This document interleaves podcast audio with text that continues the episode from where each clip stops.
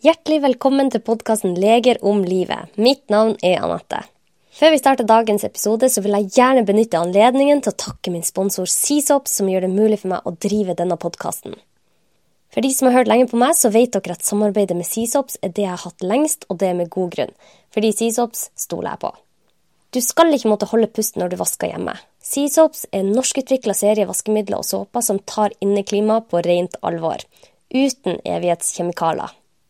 Grunnleggeren av serien, hun Karoline Heierdal, er ei norsk, herlig dame som starta det hele på kjøkkenbenken i Drammen. Og hun deler nå sine aller beste vasketips i sin nye bok Vaskehjelpen. Det er en artig og nyttig håndbok som jeg har vært så heldig å få forhåndslest, og jeg tror du kommer til å like den òg. Der lærer du alltid fra hvordan du lager dine egne vaskemidler, hva du bør styre unna, og hva som er genialt å vaske med. Med koden 'Leger om livet 10' sparer du nå 10% på hele nettsiden deres seasops.com jeg legger til link i episodeinfo. Og med det så kan du ta et dypt innpust over vaskebøtta, for da vet du at du vasker med rene såper uten unødvendige kjemikalier.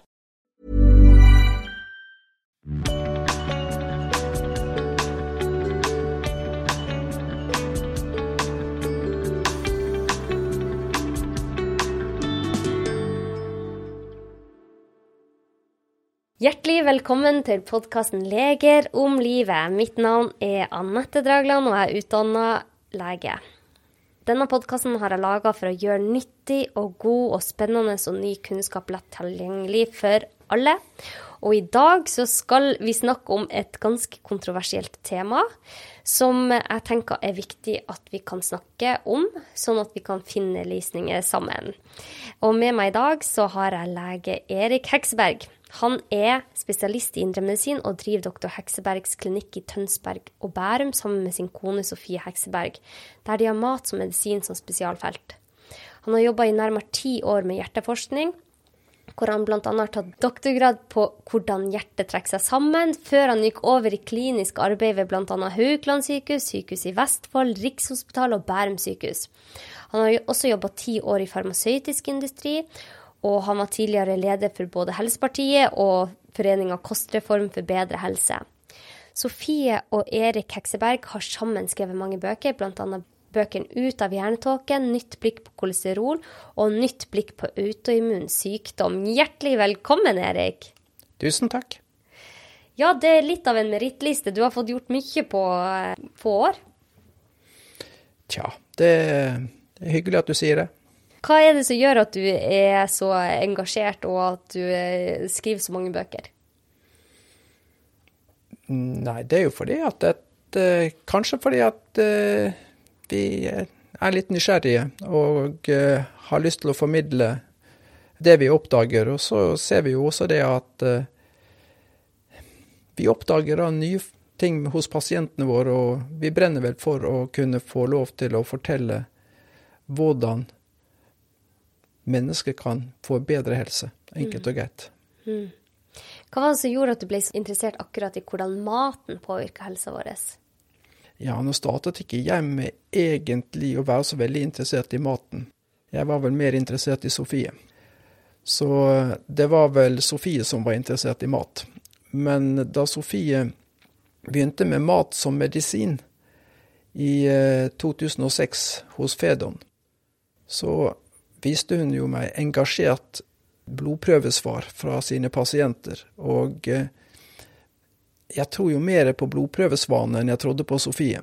Så når da blodprøvene temmelig entydig viste svært positive forandringer, og dette var fysiologisk meget rasjonelt og forklarlig, så synes jeg det at dette var for spennende til at Sofie kunne få lov til å holde på med det alene. Så da eh, sa jeg opp min stilling i legemiddelindustrien og slo meg sammen med Sofie, og vi startet Doktor Heksebergs klinikk. Ok. Ja, det er veldig spennende. Altså det, jeg syns det er så spennende, for det kommer så mye forskning nå på hvordan mat påvirker oss på utallige plan.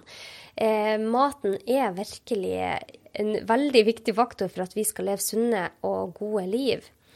Eh, vi skal gå mer inn på det, men du og din kone Sofie, dere har skrevet boka 'Nytt blikk på kolesterol er vi blitt lurt'. Og da tenker jeg litt sånn Oi, tør, tør jeg snakke om dette i podkasten. Men så har jeg lest boka deres, Erik, og du viste veldig mye forskning. Og jeg tenker at det er viktig at vi kan snakke om dette feltet, og at vi kan eh, belyse mange sider av det. For det er ikke sånn at én side har rett eller galt, men vi må, vi må kunne ha en samtale om dette. For det, det er en stor del av eh, helsevesenet er jo kolesterol, kolesterol, kolesterol. Det snakker vi mye om. Men hva mener du med at om vi har blitt lurt? Det er undertittelen på boka. Ja, det er vel to ting vi kan mene da. Den ene er at vi i ren uvitenhet har latt oss lure. I den forstand at vi visste ikke, eller forskerne og de som ga rådene da de ga rådene på 70-tallet, de visste ikke at uh, transfett, som det var fullt av i margariner og i maten for øvrig, var så helsefarlig og skilte seg fra mettet fett.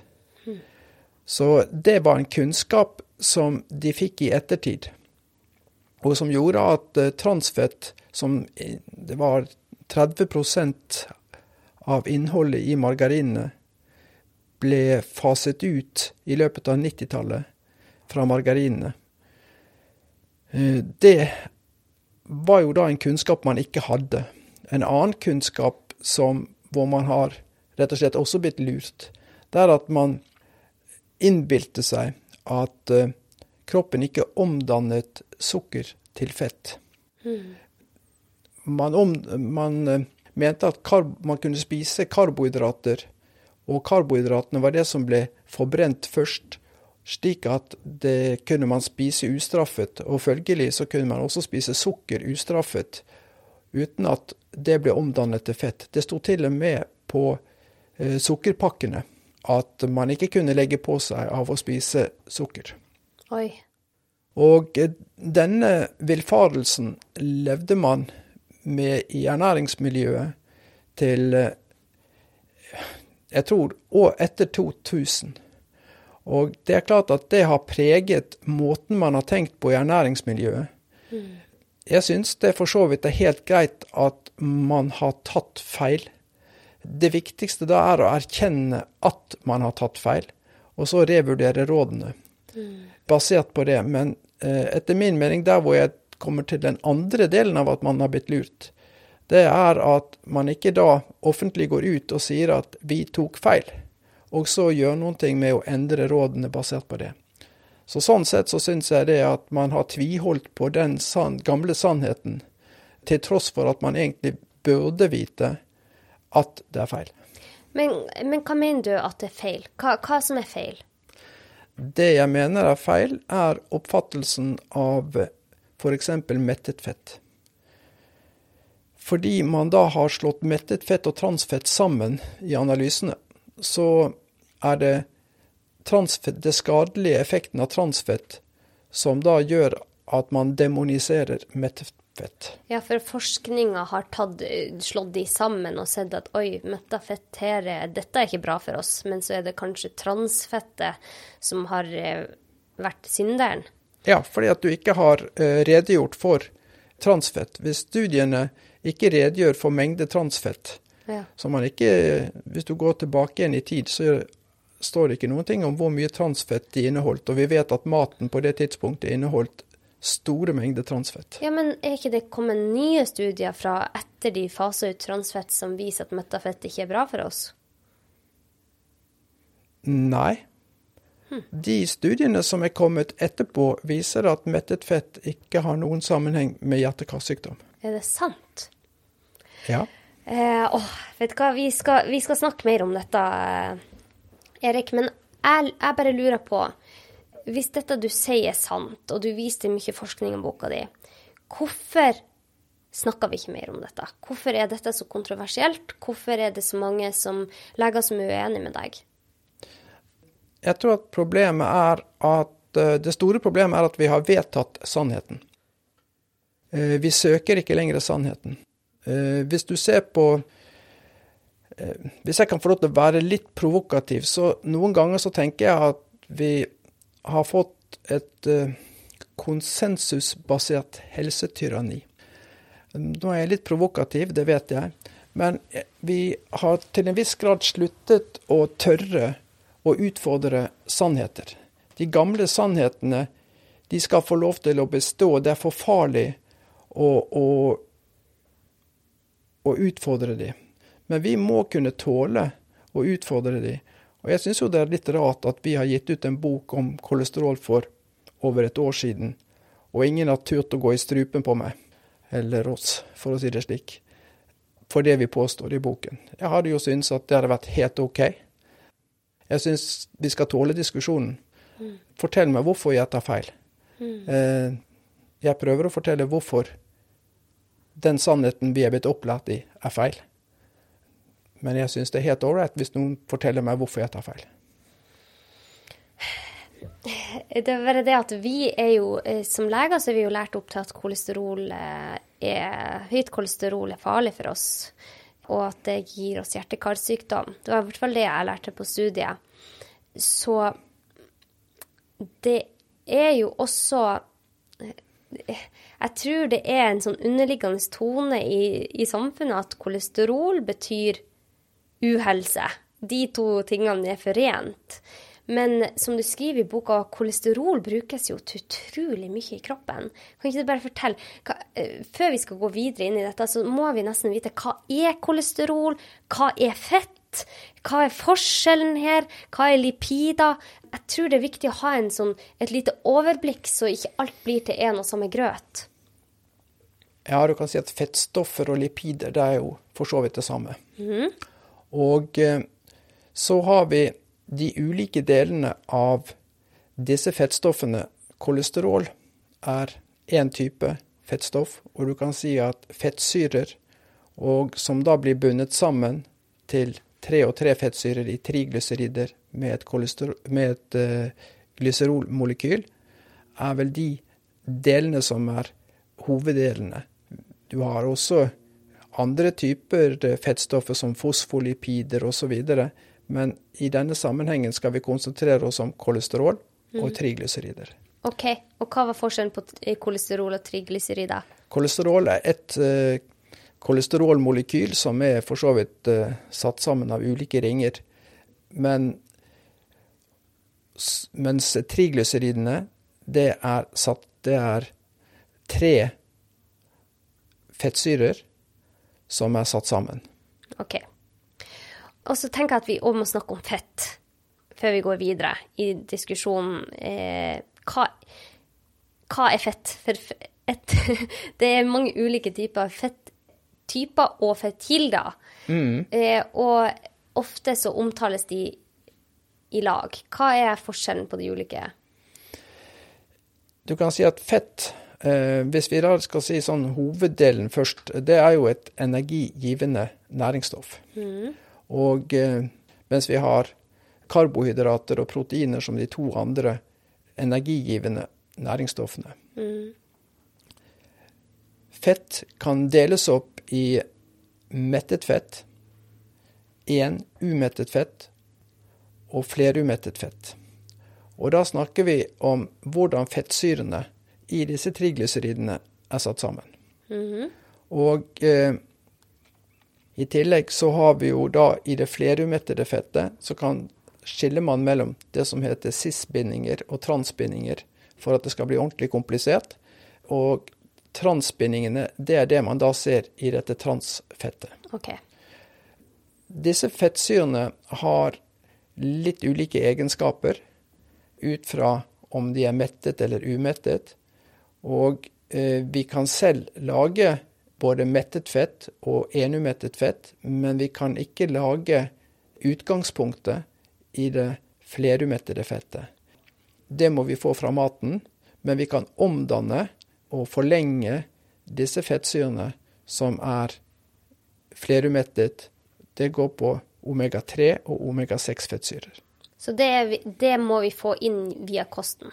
Det må vi få, delvis via kosten, for å si det sånn. Det må vi få, grunnlaget må vi få via kosten. Ja. Eh, og når du sier omega-3 og omega-6, så må jeg bare eh, spørre deg om det òg. Fordi det er en forskjell der. Ja. Det er en forskjell omega-3 og omega-6. Forskjellen ligger jo sånn rent teknisk sett hvor denne dobbeltbindingen ligger hen. I, den første dobbeltbindingen ligger i, i, i fettsyren. Men de har også ulike egenskaper i forhold til betennelse. Så de påvirker oss på en helt uh, forskjellig måte? Ja, de påvirker oss på ulik måte. Mm. Du kan si at omega-3-fettsyrer, hvis vi tar det litt sånn enkelt, de demper betennelse, mens omega-6-fettsyrene stimulerer betennelse. Mm. Og du snakka litt om eh, forholdet deres imellom i boka. Mm. Kanskje vi skal ta det litt seinere. Men OK, da har vi fått et lite overblikk her. Så vi har fettsyrer, og så har vi ulike typer. Vi har metta, enumetta og flermetta. Og under flermetta så har man cis og så trans. Og transfett vet vi nå heldigvis at ikke er bra for oss. Ja. Hvor får man tak i disse ulike fettkildene? Hvor, hvor, og hvor er det omega-3 og omega-6? For det kommer mange til å spørre om. Ja. Omega-3, der har du jo typisk mye omega-3. De lange omega-3-fettsyrene som vi har et problem med, får du i typiske fiskefettet. Mm. Eh, det er enkleste kilden til det. Du har også da mer omega-6-fett. Det problematiske omega-6-fettet det har du mye i type solsikkeolje, maisolje, soyaolje. Og det brukes mye inn i disse ferdigproduserte maten, fordi det er billige oljer. Mm. Og metta, enemetta og flermetta fett, hvordan, hva, er, hva er matvarene som gir oss de ulike gruppene?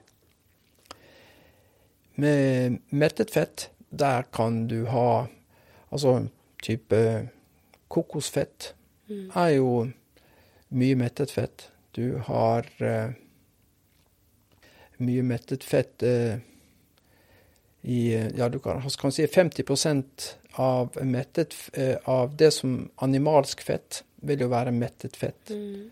Og du vil kunne ha Og hvis du går til enumettet fett, da har du mye olivenolje, mandler f.eks. Du, og eh, flerumettet fett har du i ulike typer eh, nøtter og eh, oljer, nøtter, frø, oljer fra dette. OK, det er veldig fint. For nå tror jeg lytterne mine har fått et lite overblikk for at det er så lett å bare alt, at alt blir det samme. Men det er forskjellig.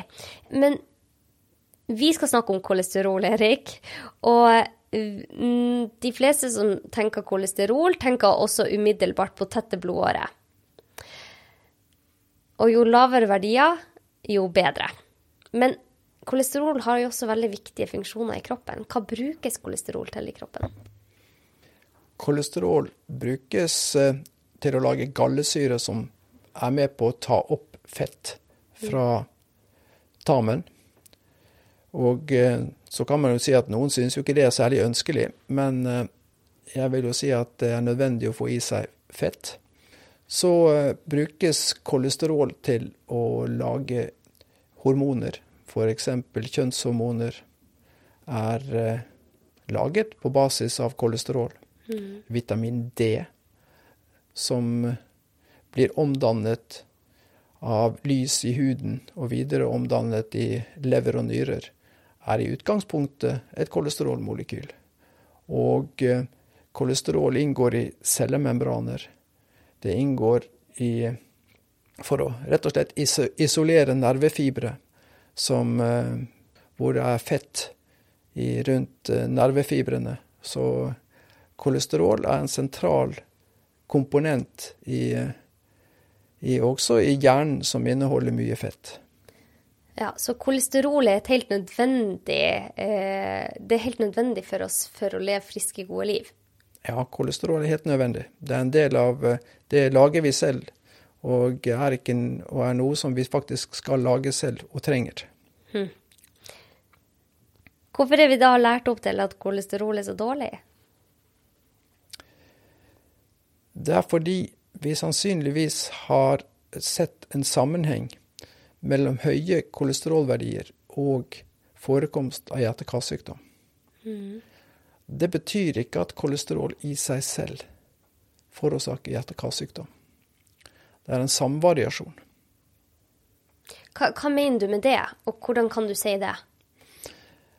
Det har Statistisk sett så kan du ha at noen ting varierer sammen, men det betyr ikke at det er en årsakssammenheng. Og hvis man ser på nyere studier, så ser man f.eks.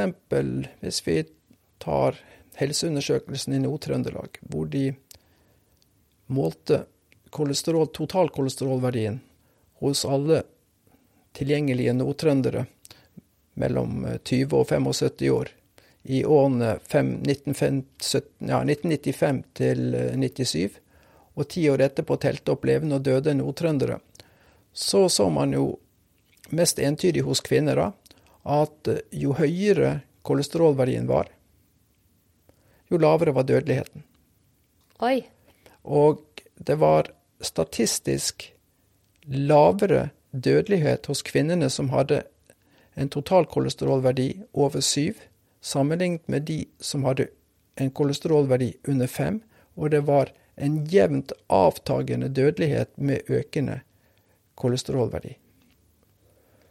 Og dette gjaldt også Du så det samme mønsteret for dødelighet av hjerte-karsykdom. Men der var det ikke statistisk signifikant. Men dataene for dødelighet uavhengig av årsak er jo selvfølgelig mye sikrere data enn det som er sykdomsårsaks, eller årsaken til død. Mm. For menn var det også slik at dødeligheten var høyest for de som hadde en kolesterolverdi under fem, men der var de som kom statistisk best ut der, og hadde lavere dødelighet, det var de mennene som hadde kolesterolverdi mellom fem og syv. Hm. Men du kan si det slik at det grunnleggende for begge kjønn er jo da at det er ikke slik at jo høyere kolesterolverdi, jo høyere dødelighet. Akkurat nå så Du skriver at 600 000 nordmenn står på kolesterolsenkende medisin. Mm. Og var ikke Senker man ikke det hvis det er over syv? Nei, hvordan var det der? Hvordan er retningslinjen nå? Jeg husker ikke. Eh, ja, nå husker jeg ikke eksakte retningslinjene i øyeblikket, men man har jo hatt eh, Jeg ser jo at eh, vi har pasienter som bare de får kolesterolverdier over seks, så blir jo legene alarmert. Mm. Og får, de får anbefaling om kolesterolsenkende medisin. Eh, jeg tror jo at det er altfor mange som unødvendig får kolesterolsenkende medisin, når du ser på dataene slik det er. Men Helsedirektoratet vil jo helst ikke forholde seg til eh, nordtrønderne.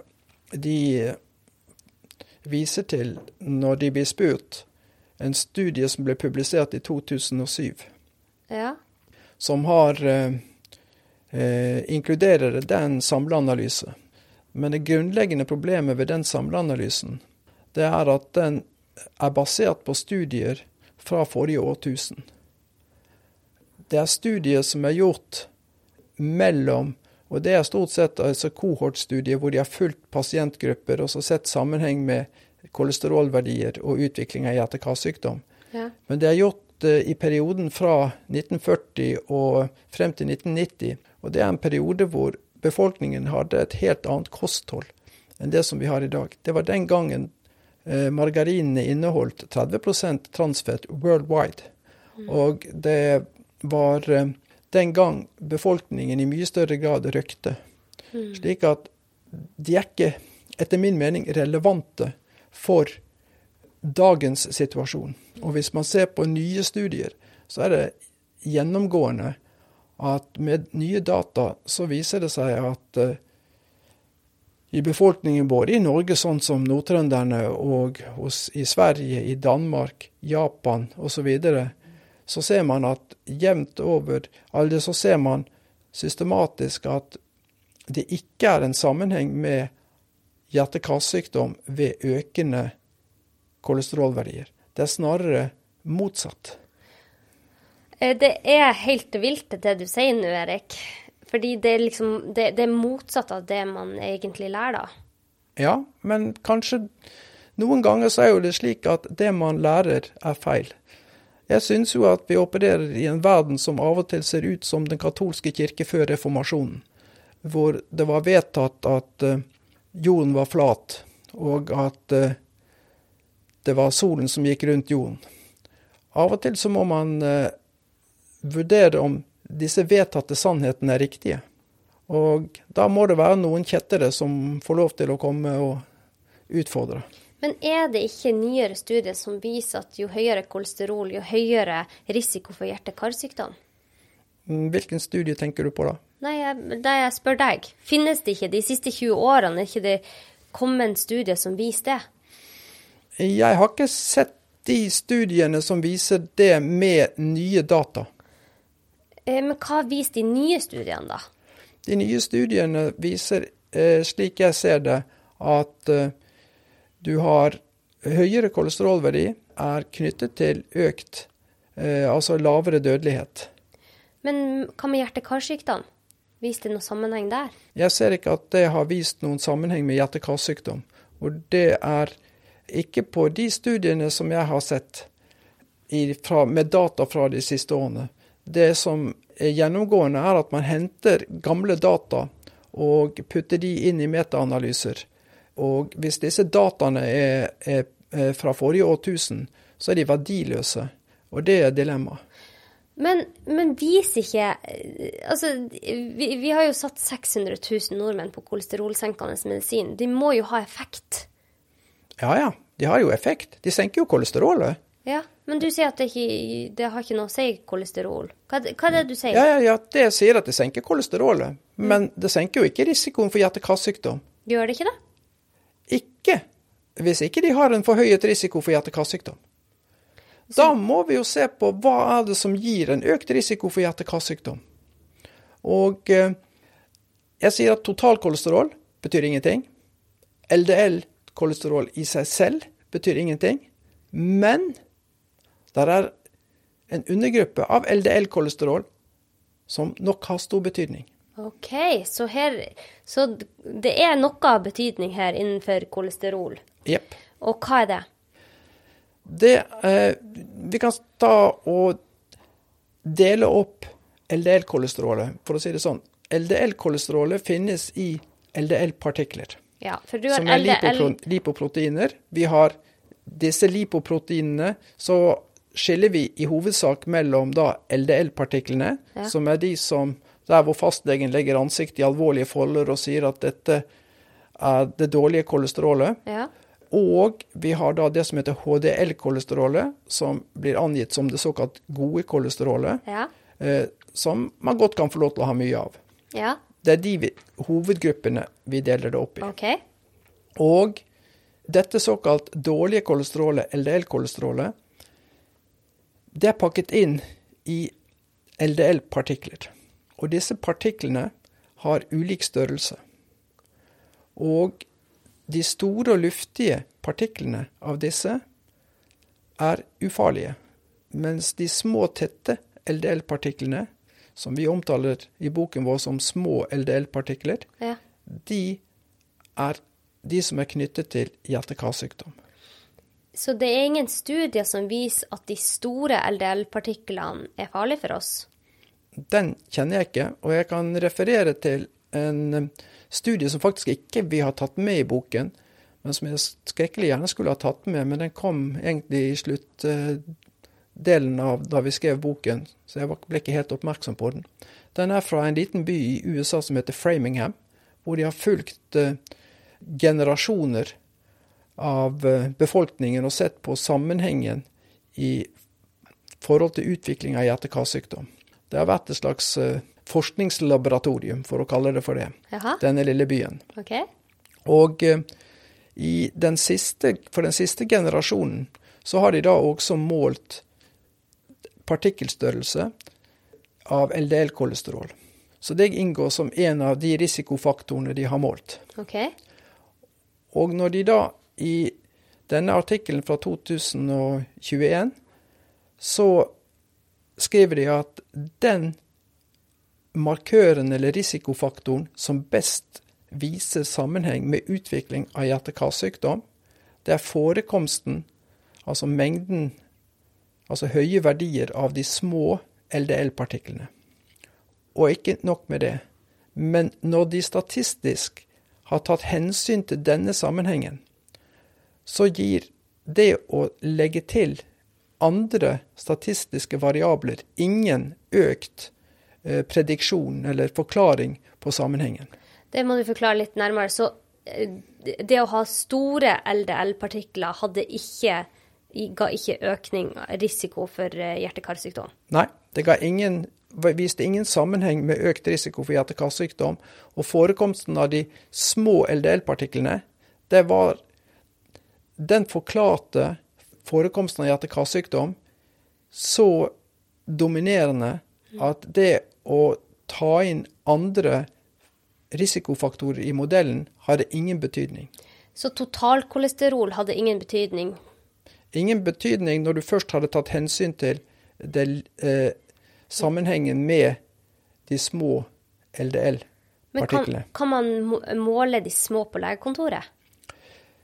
Mm, det kan man jo. Vi har gjort det fra 2011. Eh, Så har vi systematisk brukt en prøve eh, som vi har eh, eh, som vi eh, rekvirerer hos Lab 1 mm. eh, i Sandvika. Den kan selvfølgelig alle eh, leger rekvirere og bruke, eh, men den koster jo den må, Pasienten må jo betale for det. Ja, nettopp. Så den ligger ikke inne, men eh, fastlegene kan komme ganske nært ved å bruke en slags, hva skal jeg kalle det, surrogatmarkør, som er forholdstallet mellom triglycerider og HDL. For det gir et ganske godt bilde av om man har mye av eh, de små LDL-partiklene.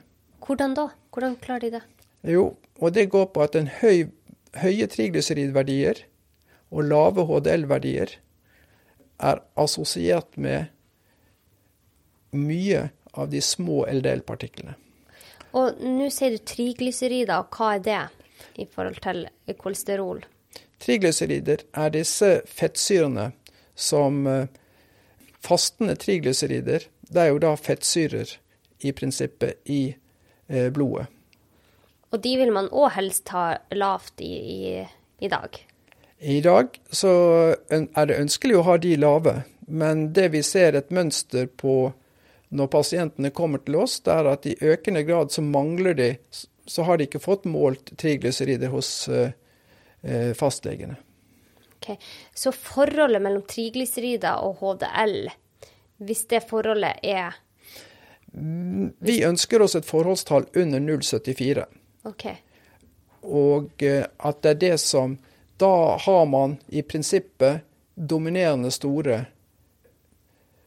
LDL-partikler. Og det, eh, og det tallet på 0,74 det har vi egentlig brukt basert på studier og sammenhengen som eh, vi ser på er lav risiko hvis du har, la, hvis du har lite av triglycerider og relativt høyt HDL-kolesterol, hvor denne ratioen er nede på da en 0,74 eller lavere, så har man lav risiko for hjerte-karsykdom.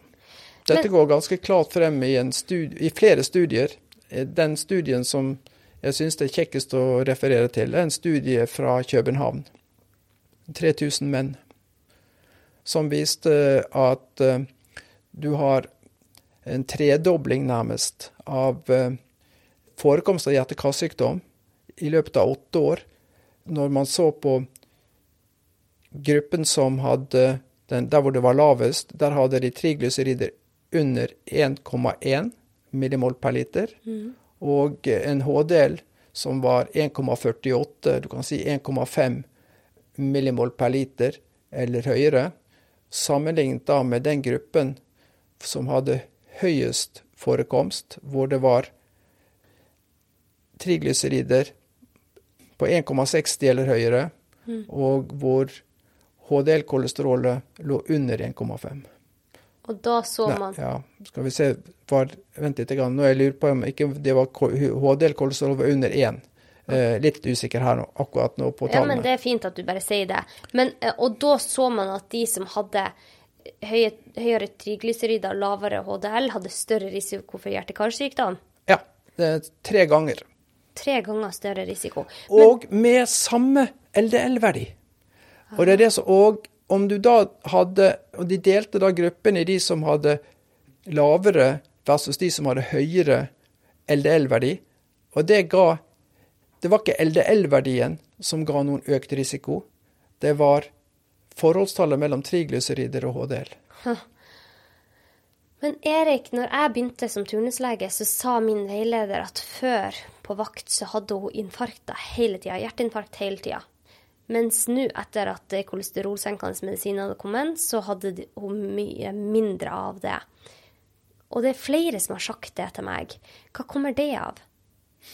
Jo, det er klart at eh, det at eh, Jeg sier ikke at kolesterolmedisin ikke virker.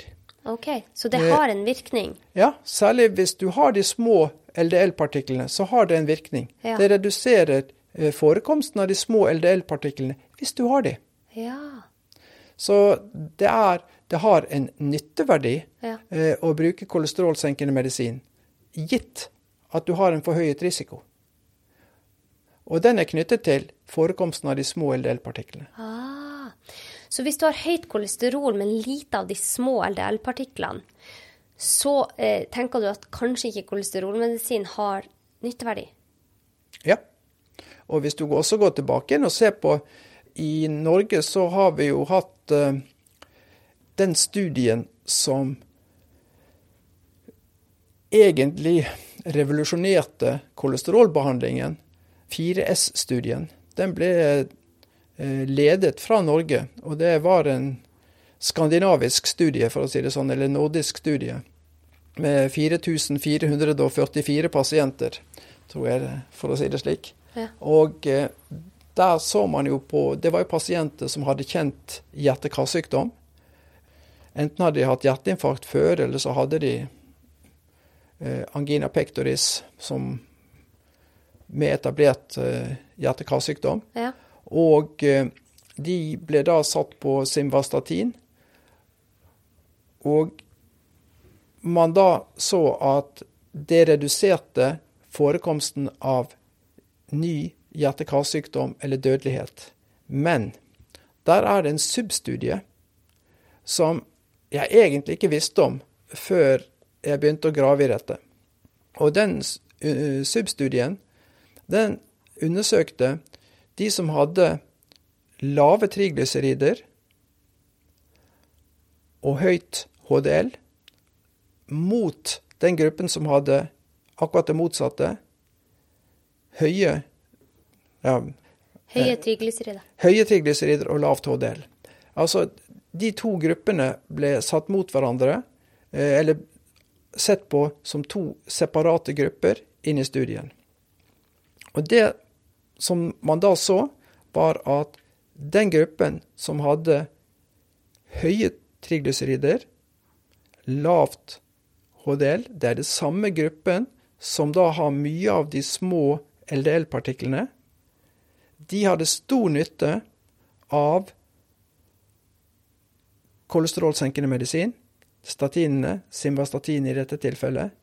Den ble, hos dem så ble forekomsten av ny, nye hendelser av hjerte-karsykdom redusert fra, jeg mener, 40 til 20% Men derimot, den gruppen som da hadde høye, nei, lave triglycerider og høyt HDL-kolesterol, og som egentlig i prinsippet da vi mener ikke har de små LDL-partiklene, den hadde ingen nytte av å få kolesterolsenkende medisin. Oi.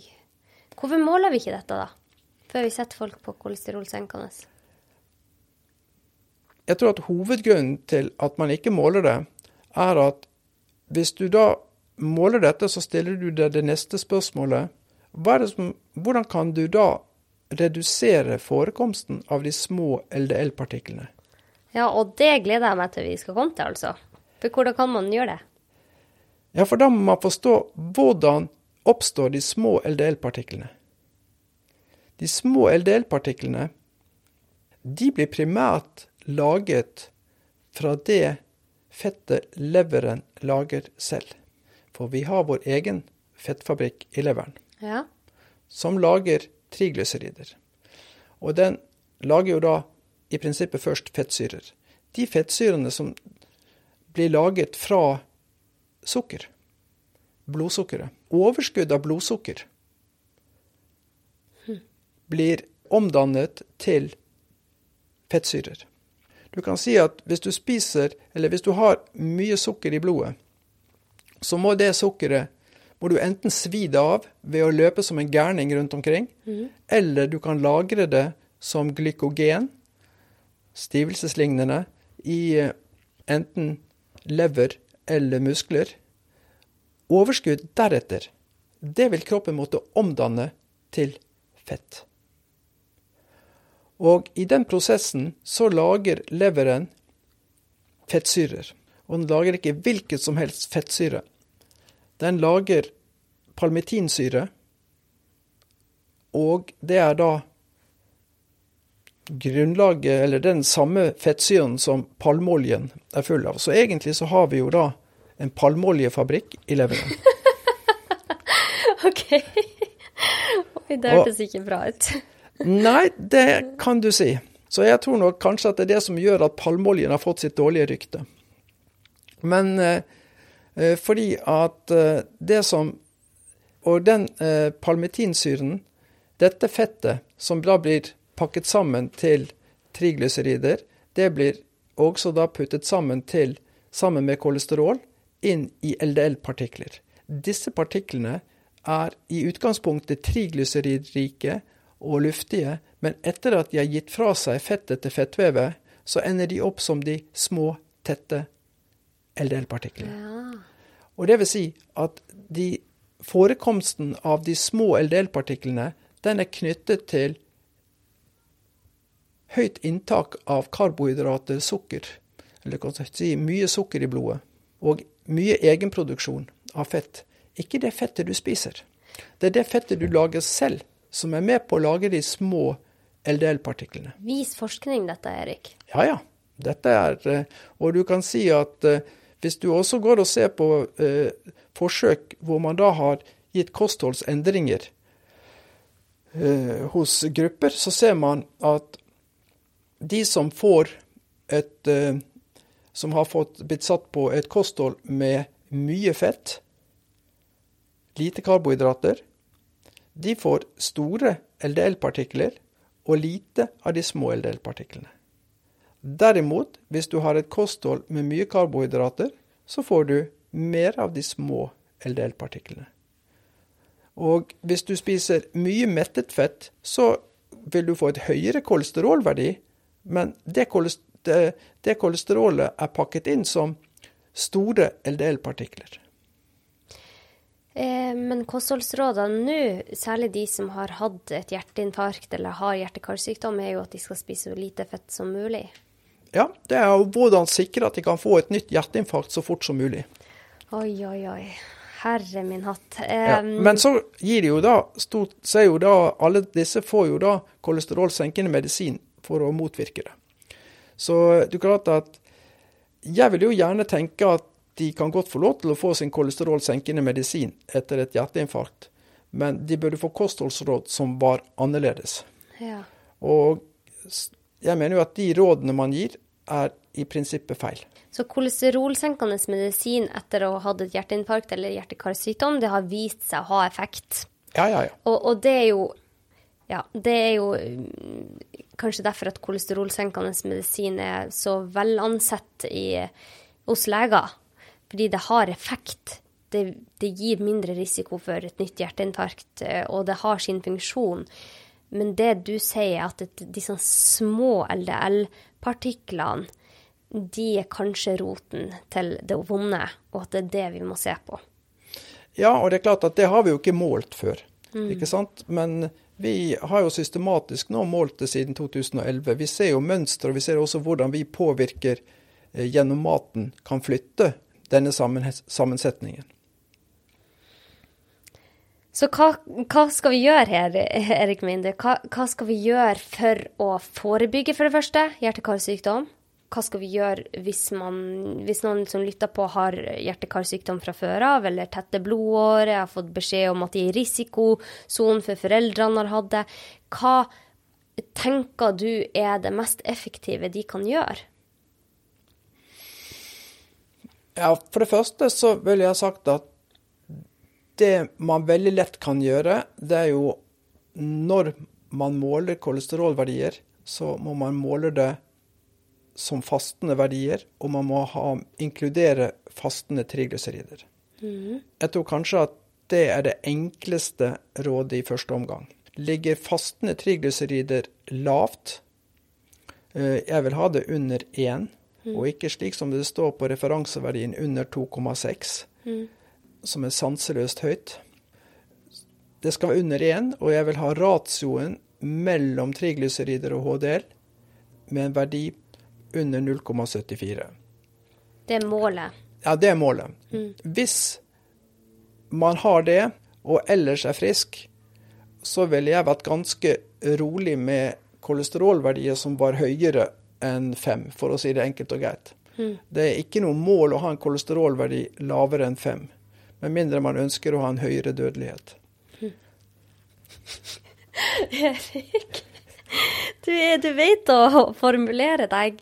Men eh, OK, det er én ting å måle det. Men en annen ting er hva skal man gjøre? Man får jo beskjed om å spise fettfattig. Ja. Etter min mening så er ikke problemet fettet som man spiser, men fettet man lager selv. Og da må man finne ut hvordan kan man redusere egen fettproduksjon. Eh, jeg mener at mange burde spise mindre karbohydrater. Mm. Men vi har en tilleggskomponent som ligger i at det er ikke nok med at vi har vår egen palmeoljefabrikk. Vi har vår egen sukkerfabrikk også i leveren. Okay. Og den sukkerfabrikken går av og til løpsk. Og det er litt av det vi ser ved det som heter metabolsk syndrom. Hva er det for noe? Metabolsk syndrom er egentlig en samling risikofaktorer hvor da man har forhøyet blodtrykk, eller kan ha, det ligger inne forhøyet blodtrykk, overvekt, fedme, diabetes type 2 eller forhøyet blodsukker, mm. Og eh, er assosiert med eh, Og det man ser som eh, blod, altså som målinger, laboratoriemålinger er høye triglyceridverdier over 1,7 og forhøyet blodsukker. Så det er gitt Det er ulike definisjoner av dette metabolske syndromet, avhengig av hvilken forening som definerer det. Men i utgangspunktet så er det mye lettere å forstå det som insulinresistenssyndromet. Fordi det er en følge av at insulin virker dårlig at man har fått insulinresistens.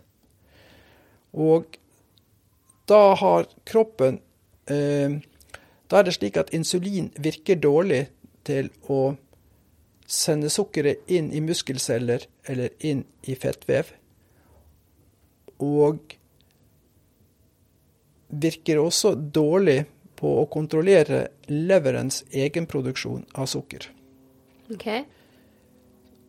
Konsekvensen er at kroppen lager mer insulin, så man har ofte høye insulinverdier, ja. samtidig som insulinet virker dårlig. Ja. Og da er det den Altså, insulinet virker dårlig på å senke blodsukkeret, for å si det slik, men insulinet virker da fantastisk bra på å lagre fett. Okay. Slik at, eh, og å holde fettet i fettlageret. Slik at man har lett for å bli overvektig og få fedme når man har insulinresistens. De henger sammen.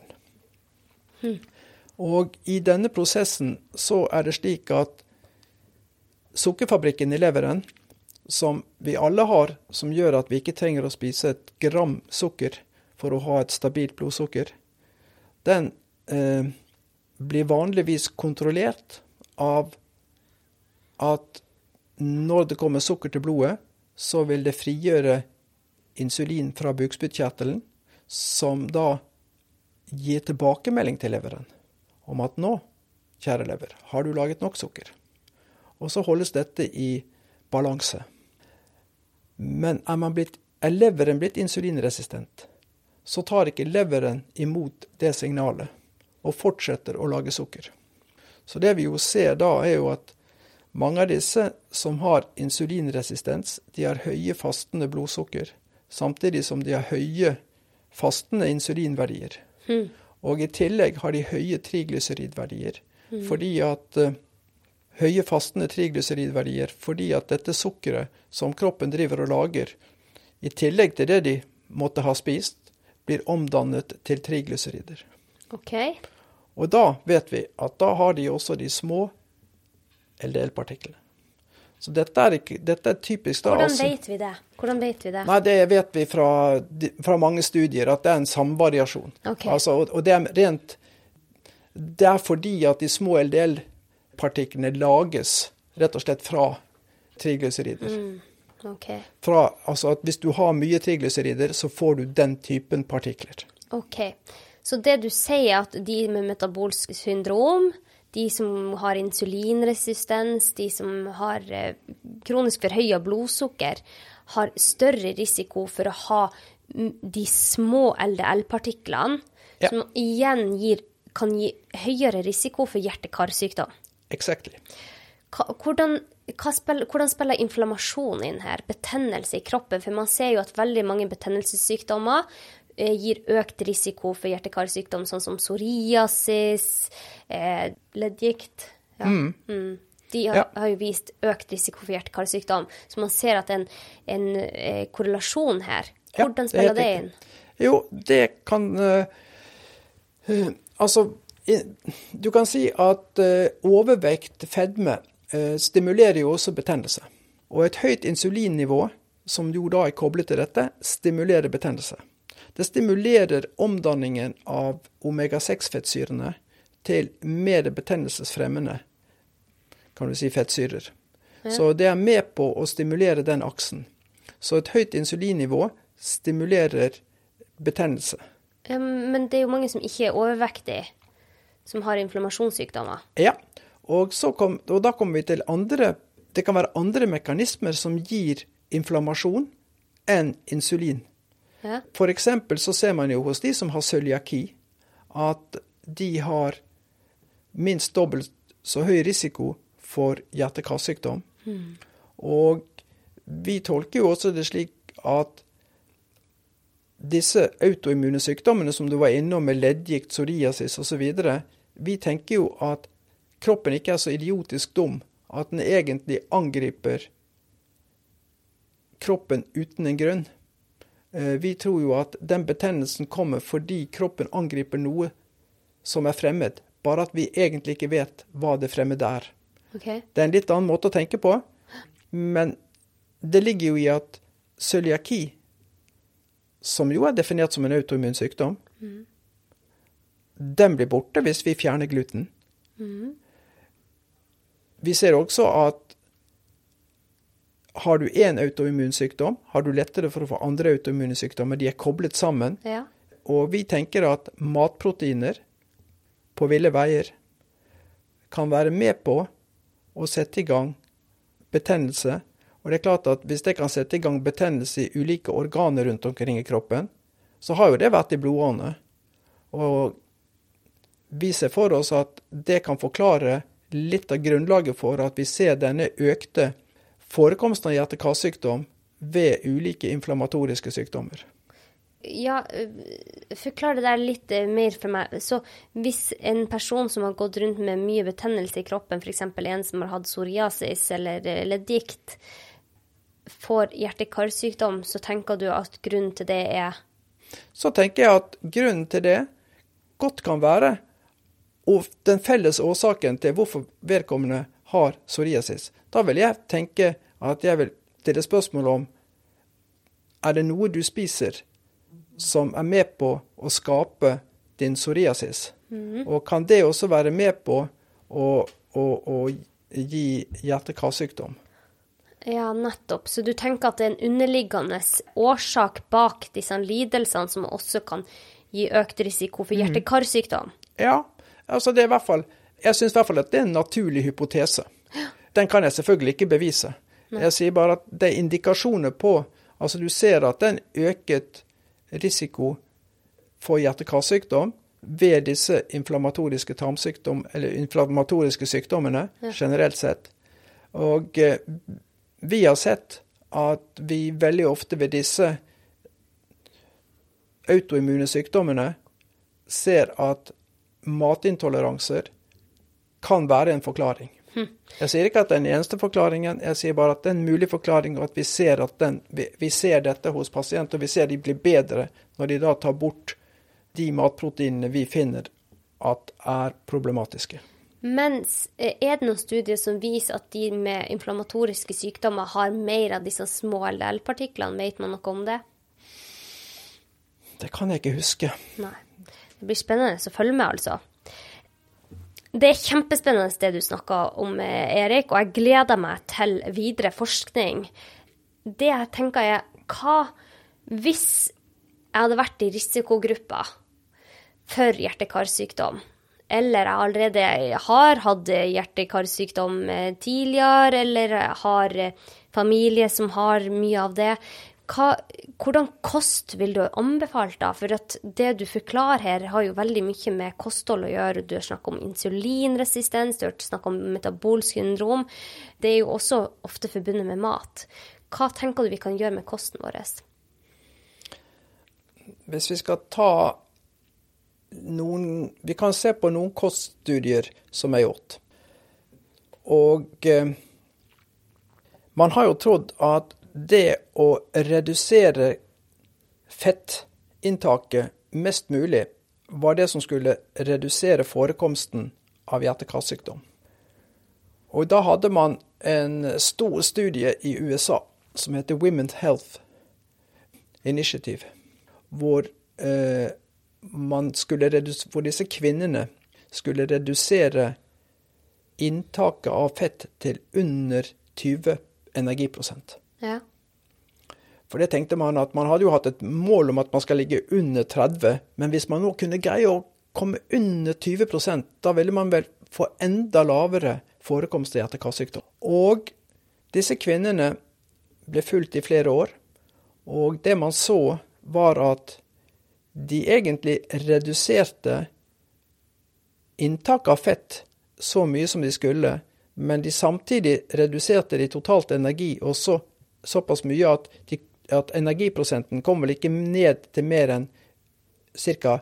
25% Og Men de Det man da så, var at for kvinnene samlet sett, så var det ikke noen gevinst i forhold til hjerte-karsykdom. Derimot så hadde de en undergruppe av kvinner i denne studien som hadde kjent hjerte-karsykdom fra før. Og av disse kvinnene med kjent hjerte-karsykdom fra før, så var det en 50% økning i forekomst av hjerte-karsykdom. Av de som spiste mindre fett? Yes.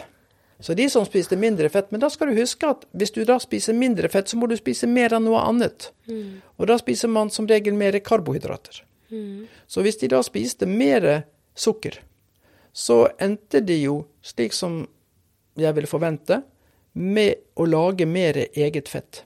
Som da ender opp med en høyere forekomst av de små LDL-partiklene. Så det er min påstand, da. Mm. Det har du ikke de målt der. Nei. Men mekanistisk sett så syns jeg jo det er høyst forklarlig. Og de, det er jo også rimelig, det har vi jo også sett, at de som har størst sjanse for å få hjerteinfarkt, er de som allerede har hatt et hjerteinfarkt. Ja. Eh, slik at de er jo egentlig varslerne i denne gruppen. Dessverre så har man jo da aldri forfulgt det sporet.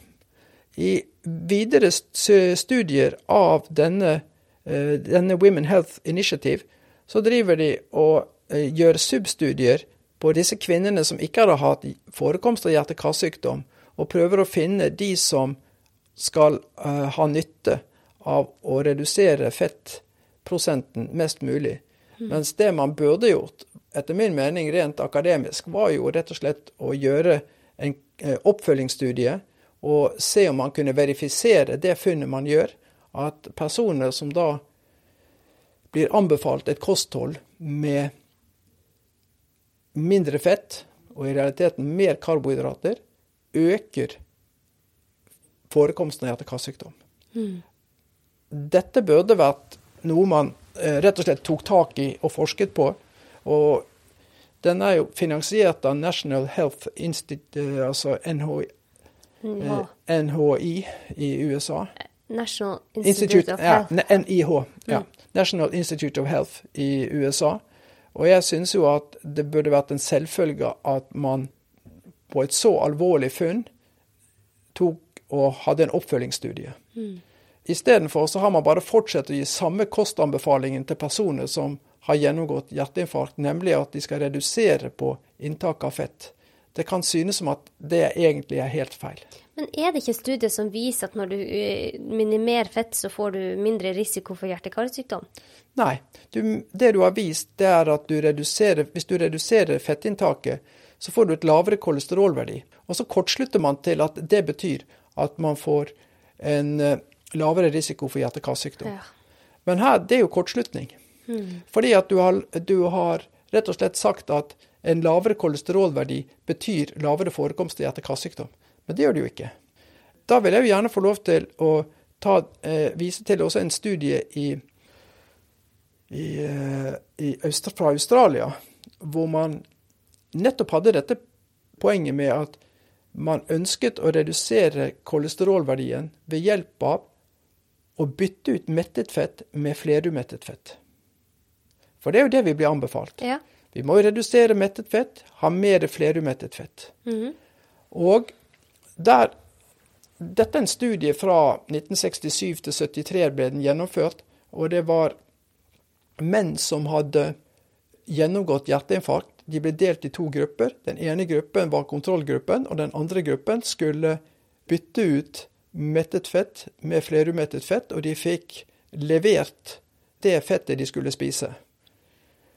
Og dette var et fett som var dominert av dominerende omega-6-fett, mm. linolsyre, og de fikk lavere kolesterolverdier enn kontrollgruppen. De reduserte kolesterolverdien, og man skulle jo da tro at da fikk de redusert forekomst av hjerte-karsykdom. Men de hadde 60-70 eh, høyere forekomst av hjerte-karsykdom enn kontrollgruppen. Over hvor lang tid ble det målt? I løpet av de fem årene. Herre min hatt. Det var betydelig økning. Både i, i, og også økning, klar, markert økning i dødelighet. Ja, det var dødelighet vel av hjerte-karsykdom som de egentlig målte. Ja. Så det var markert økning. Okay. Og denne studien var egentlig en studie som ble først ordentlig publisert i 2013. Den hadde eh, forskerne den gangen i, på 70-tallet var så skuffet at de puttet bare eh, resultatet i skuffen, og publiserte det ikke. Så Derfor har vi, en, har vi hatt en publication bias. altså vil Si at de studiene som ikke har levert, for å si det sånn, det som man forventet, ja. har mange ganger ikke blitt publisert. Mm. Og man har hatt en forventning om at lavere kolesterolverdier, eh, som man da fikk ved å bytte ut mettet fett med flerumettet fett, det ville gi lavere forekomst av hjerte-karsykdom. Og når da studien ikke viste det, så var den så skuffende at man rett og slett lot den få lov til å ligge i skuffen. En tilsvarende studie ble også gravd frem fra Minnesota hvor de da også hadde i, i, i psykiatriske institusjoner og uh, i pleiehjem hadde gitt halvparten av de som var pasienter innliggende et kosthold hvor de byttet ut mettet fett med flerumettet fett i større grad. Og så hadde de da en kontrollgruppe. Det man så der, var også akkurat det samme. At det å redusere kolesterolverdien ved å bytte ut mettet fett med flerumettet omega-6-fett mm. økte forekomsten av hjerte-karsykdom. Men hvor, hvor, kommer, hvor, kommer, disse rådene om at vi skal spise mer flermetta og mindre metta fett fra, da? De kommer fra gamle studier. Og det er da jeg sier at hvis studiene, hvis du har studier som har hvor mettet fett er samlet mettet fett og transfett. Men var ikke transfett under flere metta? Jo, det er det. Men det problemet med transfett er at det ble tolket som mettet fett. For det ble, var en, en, i herdingsprosessen som, hvor man da lot oljer bli herdet fra å være flytende olje til å bli fast margarin, ja. så bombarderes oljene med hydrogenatomer for å bli mettet. Ja. I den prosessen så får du, hvis den ikke blir fullherdet, men delvis herdet, så vil du stå igjen med en god del av fettsyre som er såkalt transfettsyrer. De har de samme fysiske egenskapene som mettet fett. Altså de er faste i romtemperatur. Men de kjemisk sett så er de ikke det samme, fordi at de er fettsyrer som er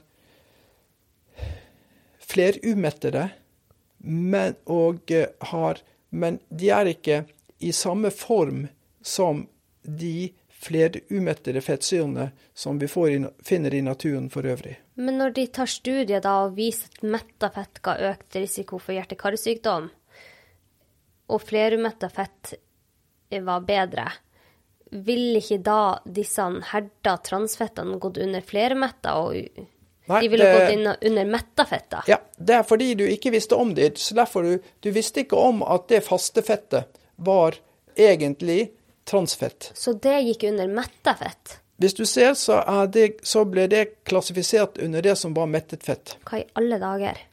Det er slik jeg ser det. og, hvis du, og veldig, du har ikke redegjort for Veldig mange av studiene som er tidligere, har ikke redegjort for dette. Og eh, dette ser man også i den studien som er fra Oslo Diet and Smoking Study, som ble eh, også republisert fra Universitetet i Oslo i 2016, hvor de da hadde en oppfølging av disse pasientene 40 år etterpå. Vi vet at de pasientene på, som, var, eh, som gikk inn i studien på 70-tallet, fikk rikelig med transfett, men i studien fra 2016 har ikke forskerne fra Universitetet i Oslo redegjort for transfett i det hele tatt. Etter min mening fullstendig skandaløst. Ah, det er i hvert fall fint at du viste forskning her, for at jeg kommer til å få mange spørsmål. Eh, men det jeg tenker, hva, hva anbefaler du da hvis man er redd for hjerte-karsykdom? Hvordan kosthold anbefaler du da? Du kan si at det beste studien som vi har på hvilke kosthold vi skal anbefale, er jo en såkalt eh, Predimed-studien som viser et middelhavskosthold. Der var det spanske forskere som da undersøkte om det var det slik egentlig at dette kostholdet med å spise lite fett var gunstig for personer med som hadde en høyere risiko for hjerte-karsykdom, som mer hadde type metabolsk syndrom, diabetes type 2, høyt blodtrykk osv. Ville de ha nytte av et kosthold med, hvor de ble anbefalt et lavfettkosthold, sånn som det var tradisjonelle lavfettkostholdet som er blitt anbefalt, eller vil de ha mer nytte av et kosthold som er såkalt middelhavskosthold, hvor de hadde mer olivenolje, mer nøtter og frø, for å si det slik, altså hadde eh, mer nøtter, ville, de, eh, ha, eh, ville det være et kosthold som var, kom bedre ut i forhold til å redusere forekomsten av hjerte-karsykdom. Mm. Det man ser der, at i utgangspunktet så spiste de ca. 39% av energien sin som fett Okay. i utgangspunktet. Oi. Og den ble redusert i de som spiste lite fett, så ble den gjennomsnittlig ned på 37 energiprosent. Mens de som da fikk beskjed om å spise mer olivenolje og fikk lov til å ha litt mer fett, de spiste da 41 energiprosent. Det er egentlig ganske liten forskjell. Du tenker 4% energiprosent i forskjell. Ja. Så de spiste Forskjellen er 4 energiprosent på fett, og tilsvarende 4 energiprosent i forskjell på karbohydrater.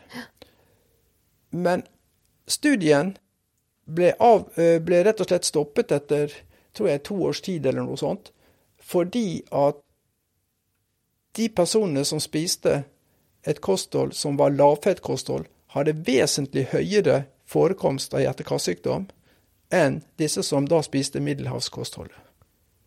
Og, og 41% det er jo egentlig ganske mye fett i forhold til hva man er anbefalt. Ja, anbefalingene i dag er maks 40 Hvis du da tar det som de anbefaler, og det som, kommer, som ligger også til grunn for de nye nordiske anbefalingene, så er i prinsippet uendret fra 2012. Så anbefaler man at det maksimalt skal være 10 energiprosent mettet fett. Man kan ha 10-20 energiprosent enumettet, og opptil 10 energiprosent med flerumettet fett. Mm. Og det vil si at vi skal opp til maksimalt 40. Mm. Og da ser du at både, den, eh, både de som spiste lavfett, og de som spiste middelhavskost i, i Spania, Ja. lå jo høyt i forhold til det som er anbefalingen i Norge. Så du anbefaler en middelhavsdiett med mye olivenolje, og hvordan andre fettkilder bruker de der? Ja, mandler de, Men det er, det er veldig mye av det enumettede fettet i, i middelhavskostholdet. Så like at de lå høyt på enumettet fett. Okay. Så dette er en, en, jeg Du kan si at jeg, jeg kan godt anbefale det, men samtidig så vet vi jo ikke. Det er jo ikke testet om Hvis du da hadde spist 50% av energien din som eh, fett, ville du da hatt lavere? Det er jo ingen testet. Er det ingen forskning som har testa det her? Nei, for alle sammen stiller jo da spørsmålet om eh, hvordan komme lavest mulig på fettprosenten for å redusere hjerte-karsykdom. Ja. Men altså, etter min mening så er det jo eh, Hvis du da først innser at det er de små LDL-partiklene som er knyttet til hjerte-karsykdom, så må man jo da rent fysiologisk spørre seg hvordan Hva er det som er grunnlaget for at disse dannes? Og så må man gå Og når det er det fettet du i realiteten lager selv, fra i prinsippet karbohydrater og et høyt inntak av karbohydrater eller en høy egenproduksjon av karbohydrater er med på å generere disse små LDL-partiklene. Da burde man jo tenke hva er det som skal til for å motvirke det? Litt provokativt. Mer fett. ja. Men da er det viktig hvordan fett og ikke transfett. Absolutt. Mm. Og holde seg unna ultraprosessert mat. Der er det en del transfett og Ja, og den prosesserte maten inneholder jo også mer omega-6-fett, og det vil vi jo ikke ha. Ikke sant? For bytter du ut den mettede fettet med omega-6-fett, eller får du mye omega-6-fett, så stimulerer det også til, til mer hjerte-karsykdom. Og man ser også at det er knyttet opp til en høyere forekomst av de små LDL-partiklene. Hva bør forholdet mellom omega-3 og omega-6 være? Mans, eh, Det er Altså, du bør ha et forhold omega-6 til omega-3 på en sånn ja, to til fire eh, til igjen, for å si det slik. Altså, du bør ha mer omega-6-fett, men eh, to, to til fire ganger mer. Hva er vanlig å ha i dag i Norge? Vet du det? Jeg tror at vi kan godt eh, gå opp til 15-gangeren eh, uten videre. Og det er nok noen som spiser ekstra mye prosessert mat som ligger enda høyere. Og dette vet vi nå kan gi opphav til inflammasjon, betennelse? Ja, man ser jo f.eks. Altså det er jo det er ganske interessant også en studie på Ås. Studie på Ås hvor de har sett på kyllinger. Mm. Og eh, hva slags mat kyllingene får, påvirker hvordan fettprosenten i kyllingene blir. Altså hvis du lar kyllinger spise mye av det klassiske eh, fôret med soya osv. som inneholder mye omega-3, nei, omega-6, så, så, blir kjøttet i kyllingene rikt på omega-6-fett. Mm. Men hvis du endrer fôret til mer linfrø, rapsfrø, som har mer omega-3, så får du en annen sammensetning av fettsyrene i kjøttet. Og dette gjorde de et forsøk på Det var vel Anna Haug som, eh, som eh, sto for dette. Med, hvor de da lot eh, studenter på Ås få lov til å spise en, i en måned spise enten den ene typen eller den, eller den andre typen av kyllinger. Okay. Og eh, det man da så, var at de så klar forskjell på på rett og slett eh, De så forskjell på betennelsesmarkører i disse studentene. Nei, tenk det. Ja, etter én måned. Tenk det. Og så kan man jo tenke på det vi kanskje burde være mer opptatt av, er jo hva slags fôr husdyrene våre får. Mm. Det har jeg tenkt på mange ganger. Så det å eh, importere kraftfôr rikt på omega-6 er kanskje med på å stimulere betennelse. Det er kanskje billigere fôr, men dyrere for samfunnet. Mm. Det er et tankekors, Erik. Denne praten har vært skikkelig spennende. Veldig interessant det du snakka om. Og jeg tenker at vi, jeg og du, vi skal bare ruste oss til å svare på en del spørsmål som kommer til å komme i etterkant. Det får vi tåle. Ja da, det får vi tåle. Eh, og det, det er viktig at vi kan ha en åpen diskusjon vi trenger ikke være enige, men vi må i hvert fall få alle papirene på bordet, tenker jeg. Du har også skrevet at det er andre eh, faktorer som har betydning for utvikling av hjerte-karsykdom, som tobakk, fysisk aktivitet, stress, diabetes og betennelsessykdommer. Hvis dere vil lese mer om det, så kan dere lese boka til Sofie og Erik, som heter Nytt blikk på kolesterol. Og eh, jeg tenker, før vi skal eh, legge på for dagen, så ønsker jeg å spørre deg et siste spørsmål, Erik. For nå har vi vært innom veldig mye, og du eh, snakker om eh, Du har snakka om eh, hvordan utviklinga skjer med hjerte-karsykdom. Du har snakka om kolesterol og triglycerider, og det har sikkert vært ganske sånn For mange en episode man må følge skikkelig godt med på for å forstå. Så bare hør den en gang til om du tenker at dette var veldig eh, komplekst. Men jeg tenker det er viktig at vi går så i dybden for å forstå det hele.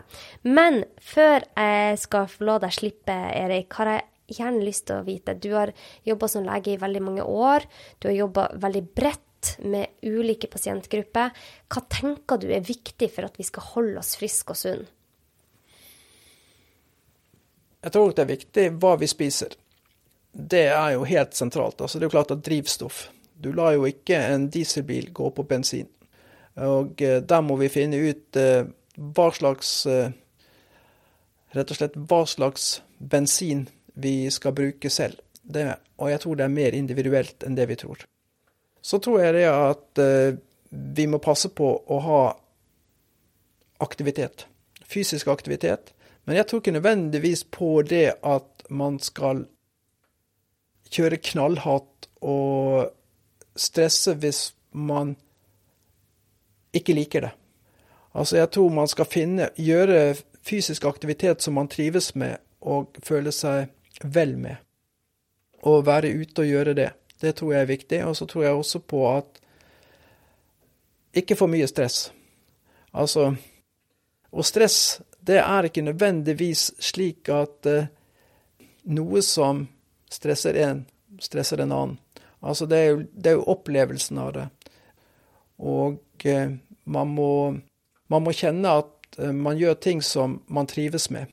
Og jeg tror jo også at man skal få lov til å bruke huet sitt litt. Jeg tror det er sunt å gjøre ting som å utfordre seg selv rent tankemessig eh, og mentalt. Det tror jeg Så hvis denne episoden har vært med til å bidra til at noen satte maten i vrangstrupen og fikk eh, Og tenkte at her var det noe jeg må undersøke, så syns jeg det er egentlig noe som kan være sunt hvis man tar utfordringen med å rett og slett tenke seg om.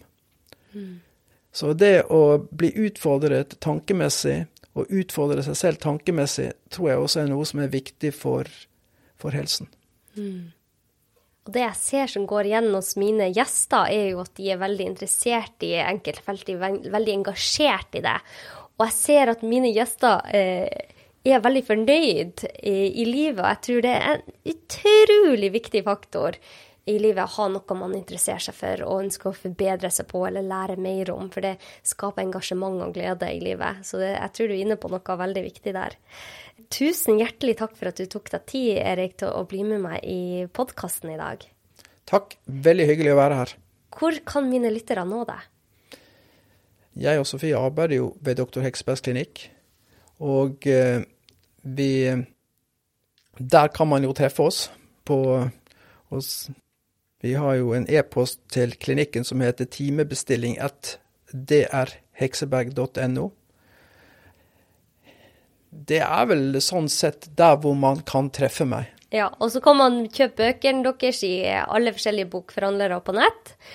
Og boka deres Nytt blikk på kolesterol hvis man vil vite mer om dette, for vi får, rekker jo bare å gå over så og så mye på denne timen, så kan dere kjøpe den der dere finner bøker.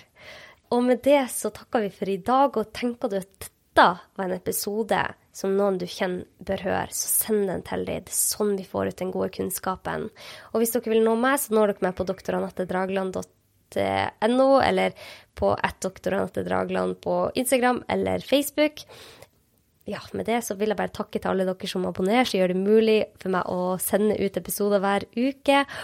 Og så ønsker vi dere en kjempefin dag. Ha det godt.